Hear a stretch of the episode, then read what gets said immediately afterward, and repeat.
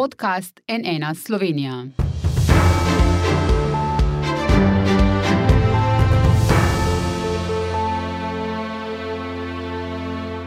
Dobar dan, to je NN studio, tudi tokrat iz državnega zbora, kjer poslanke in poslanci na današnji izredni seji razpravljajo o vladnih ukrepih za pomoč ob energetski draginji vrednih okoli 210 milijonov evrov. Medtem ko koalicijska stran meni, da je pomoč ustrezna in pravočasna, pa so v opoziciji kritični, da nekateri ogroženi državljani do pomoči ne bodo prišli in da ta prihaja prepozno.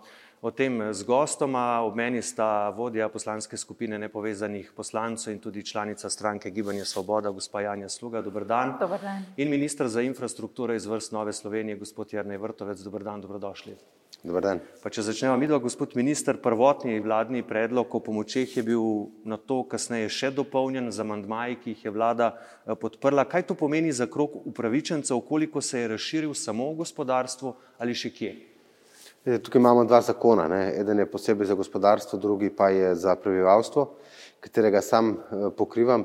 Lahko rečem, da ta krok eh, upravičencev za gospodinstva, za ljudi, ostaja enak 710 tisoč ljudi, kar 710 tisoč ljudi bo prejelo eh, tako imenovani solidarnostni dodatek v višini 150 milijonov evrov. Tukaj smo izbirali na podlagi tega, kdo so najranljivejši. Zagotovo so to upokojenci, zagotovo so to socialno ogroženi uh, in na drugi strani, kdo so najbolj obremenjeni. In v tem primeru so to zagotovo velike družine ter prejemniki otroških do- do- dodatkov do šestega dohodkovnega razreda. Ampak pozor, Tukaj gre za 710 tisoč ljudi, za en paket, drugi paket so pa položnice. Mi s tem zakonom znižujemo za 35 odstotkov, 35 odstotkov položnice za električno energijo za vsa gospodinstva. In pri tem, ne pri prvem ukrepu, ne, z energetskim voucherjem, ne pri drugem, ne bremenimo proračuna, ne bremenimo davkoplačevalcev. In v skladu z Evropsko komisijo se sredstva eh, predlagajo eh, z podnebnega sklada eh, in eh, ta namen je tudi to, kar je tudi zakonodaja, omogoča podnebni sklad, se pravi vse v skladu z Evropsko komisijo in tako imenovanim škatlo orodij, ki je Evropska komisija predlagala. Ampak vi Bistveno ste, torej gospa, je- vi ste, gospa Sluga, pa do teh pomoči zelo kritični, pravite, da prihajajo prepozno, da so nedodelani. Zakaj? Bom začela tam, kjer je minister končal. Torej, ne drži, da ti ukrepi ne bodo bremenili davkoplačevalcev. Ti ukrepi jih bodo še kako bremenili, ker vlada jemlje točno tam, kjer bi morala na dolgi rok in srednji rok zagotavljati odpornost na take podražitve in takrat bo to bremenilo vse davkoplačevalce.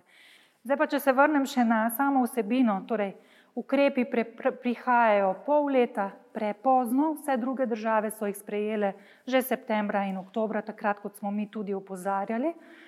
Ljudje že zdaj plačujejo 4 in 5 mesecev više položnice, na katerih pa so zneski bistveno višji na vsak, za vsak mesec, zdaj govorim, kot pa bodo zdaj, čez dva meseca, dobili teh 150 evrov. Uh, torej, glavna težava tega zakona je, da seveda minister govori o 700 tisoč ljudeh, ki bodo to dobili, dejstvo pa je, da od teh 700 tisoč ljudi nekateri tega ne potrebujejo, ker se jim ni cena popolnoma nič spremenila, vsi ostali pa bodo dobili bistveno prepozno in bistveno premalo. Torej, minister, kako na to odgovarjate? Prepozno, pravi gospa Sluga, in ni ciljno usmerjeno. Ali je to prvi ukrep vlade za premagovanje energetske revščine? Aa, ne.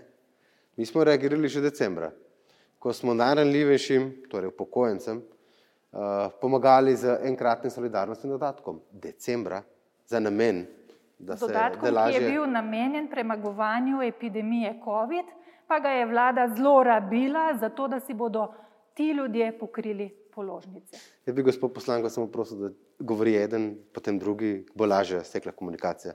Torej, decembra smo ta ukrep uh, sprejeli izključno za pomoč upokojencem, takrat, ko so države članice Evropske unije. In ta sedaj drugi paket, vmes smo še dvignili minimalno plačo, da ne bo pomote, uh, z rastjo cen življenjskih potrebščin, cen. Ampak to je v skladu z zakonom, ne? To ni... Ja, in, in to so vse ukrepi, danes je to tretji, danes je to tretji paket, ki ga, ki ga predlagamo in verjamem, da bo tudi v parlamentu sprejet. Še enkrat podarjam, gre za 710 tisoč ljudi, ne bremeni se proračuna, podnebni sklad, da ne bo pomote.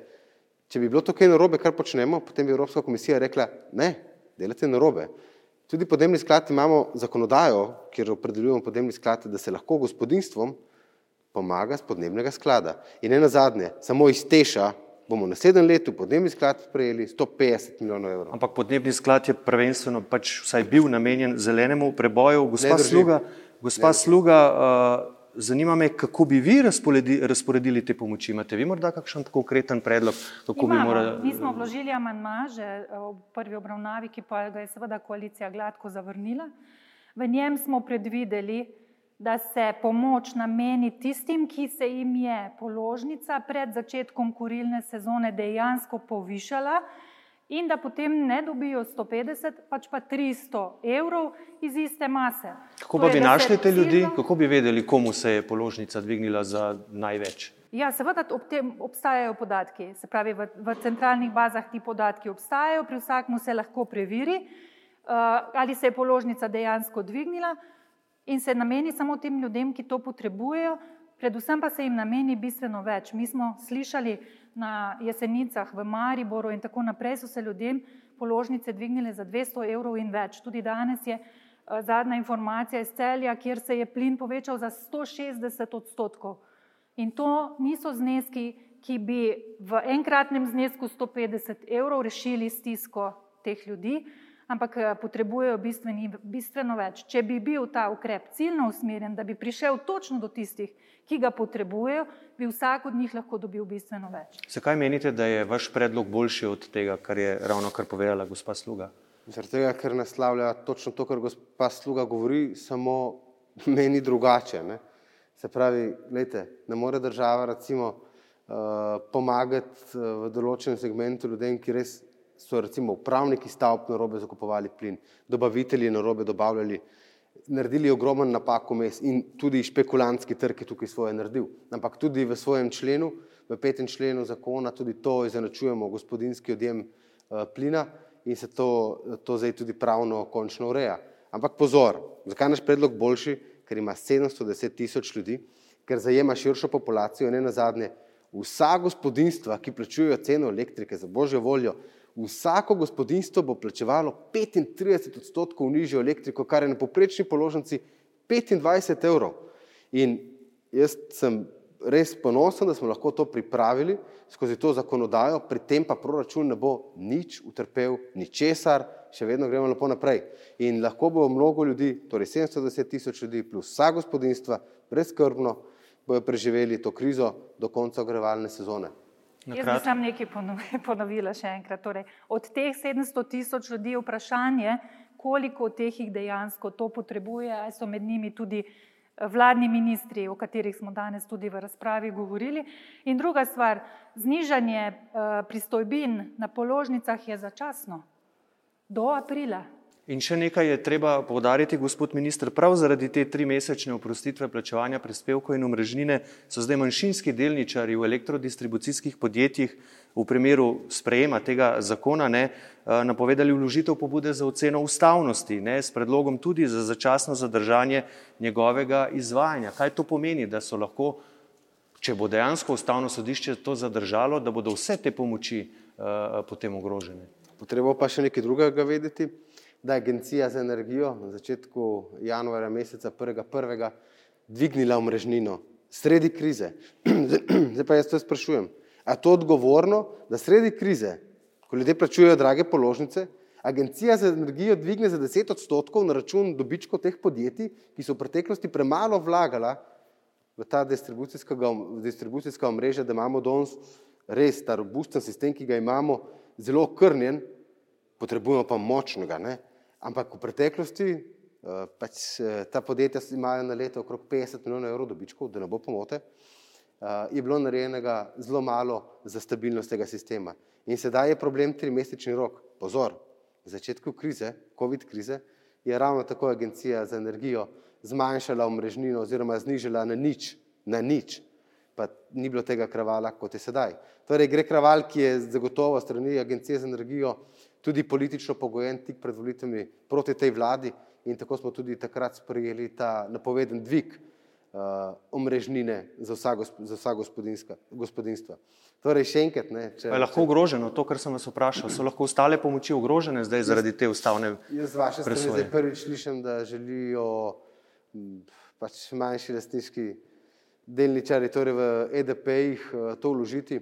Prej je bilo to omenjeno sicer v razpravi, ampak jaz verjamem, da bo ustavno sodišče tukaj odločilo v prid ljudem, ki, so, ki bo bili deležni te pomoči ne pa na račun velikih dobičkov in bogatih plač teh direktorjev. Vi podpirate to ustavno presojo, gospa Sluga?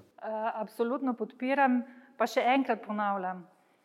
Vlada ni poslušala stroke, tako kot v COVID krizi delovala po svoje, brez dialoga, prinesla na mizo rešitve. Absolutno prepozno, ko je kurilna sezona že mimo, ljudje ne bodo dobili tisti, ki rabijo toliko, kot rabijo, in z volitvami teh težav, teh stisk, teh povišenih cen ne bo konec. In zato vlada ni prinesla niti ene rešitve. Ko ste se zelo na kratko, minister, odločili za 15. april? Zakaj 15. april? Zakaj ne 15. marec? Ta pomoč je enkratna, ki bo izplačena. Preberite zakone, noter piše do 15. aprila.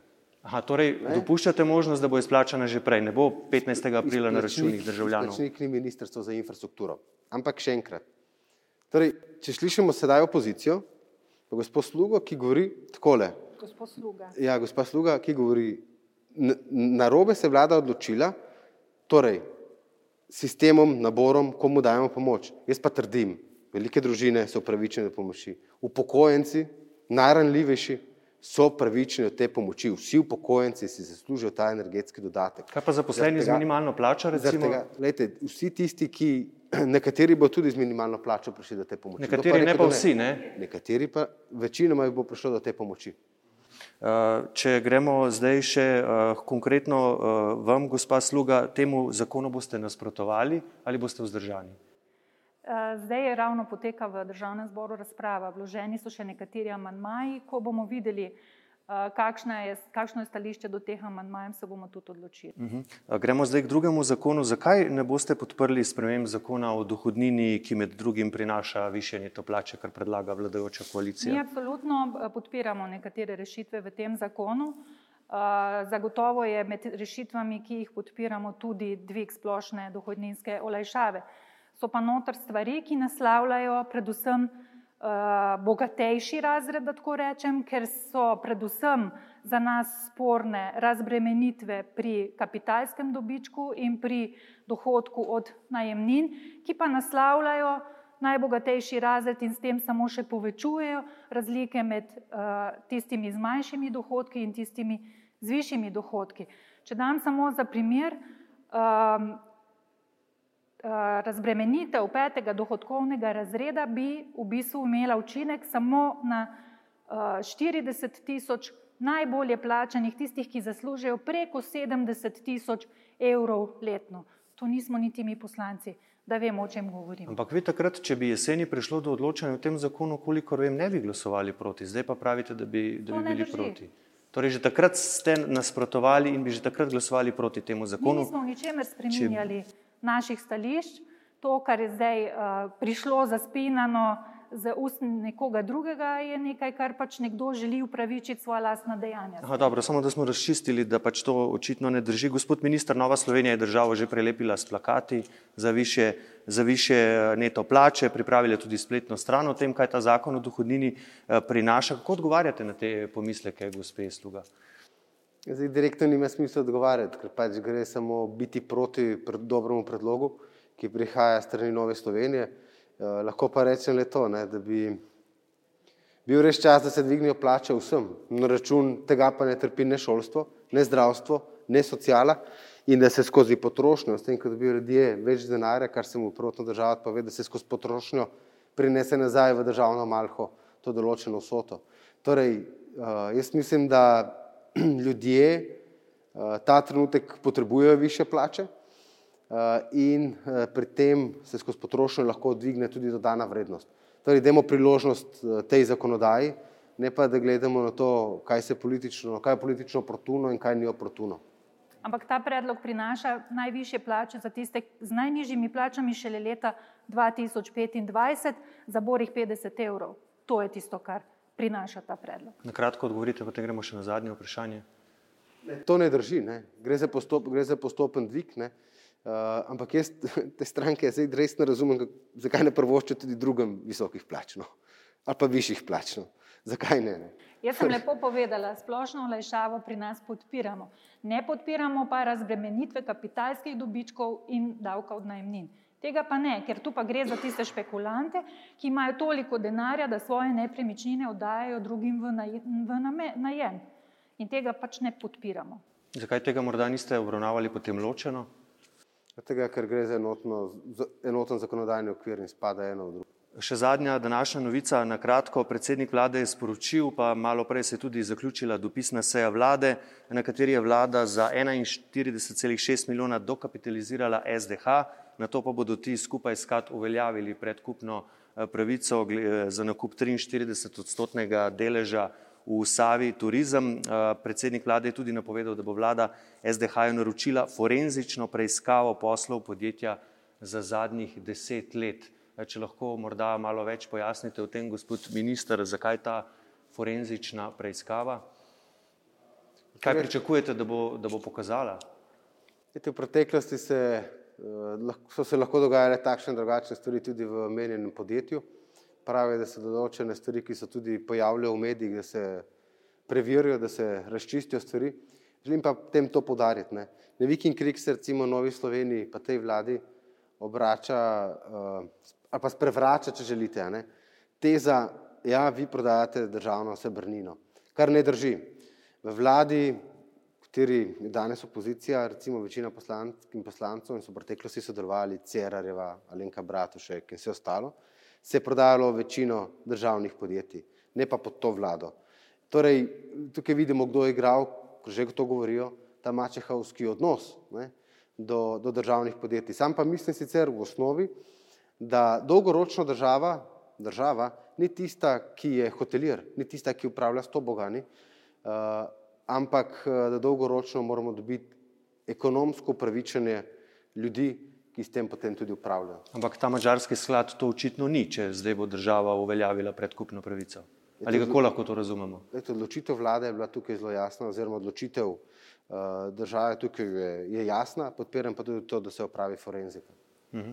Gospa Sluga, uh, vi ste tudi so podpisali zahtevo za sklic najprej seje Komisije za nadzor javnih financ, zdaj še za izredno sejo celotnega državnega zbora, ki ne bi bila prihodnji teden, ali se bo ta seja potem prihodnji teden sploh zgodila, če bo država oziroma SDH in KAT, če bo sta uveljavljala predkupno pravico? Jaz eh, sem dobila danes to informacijo, da se je vlada tako odločila, ampak moram reči, dokler tega ne vidim na lasne oči, pač tega ne verjamem. Ko bom to videla, potem bom verjela, takšne so pač moje izkušnje eh, s to vlado. Eh, seveda, mi smo bili so predlagatelji obeh predlaganih sej, ena že izvedene na to temo. Zakaj? Zato, ker smo trdno prepričani, da gre tukaj za eno zelo posebno situacijo, ko prodajamo vrhunske turistične destinacije, 18 eh, hotelov, preko 3000 nočitvenih kapacitet, 80 bazenov in pazite 17 vrtin s pitno ali termalno vodo. Prodaja zasebni sklad, ne? Absolutno. In država pač mora poskrbeti, da se dobi strateški slovenski pomožnosti lasnik. Izkazalo se je iz razprave, kar so tudi povedali predstavniki Save, da ponudbe obstajajo in denarja v Sloveniji je dovolj in da se to, da se to absolutno ne da v roke nekemu špekulativnemu skladu po zgledu Term Lendava, kjer bomo potem lahko na ozemlju celotne Slovenije spremljali enako zgodbo, kot jo zdaj spremljamo v Lendavi. Bomo videli, kdaj bosta prišla sklepa strani SDH in KADA. Eh, za danes pa spoštovana gosta, gospa Sluga, gospod minister Vrtovec, najlepša hvala za vajno gostovanje v NN studiu. Hvala, hvala. za povabilo. Hvala pa tudi vam za vašo eh, pozornost. Spremljajte nas še naprej na nnainfo.si z državnega zbora, pa le še lepo zdrav in nasvidenje.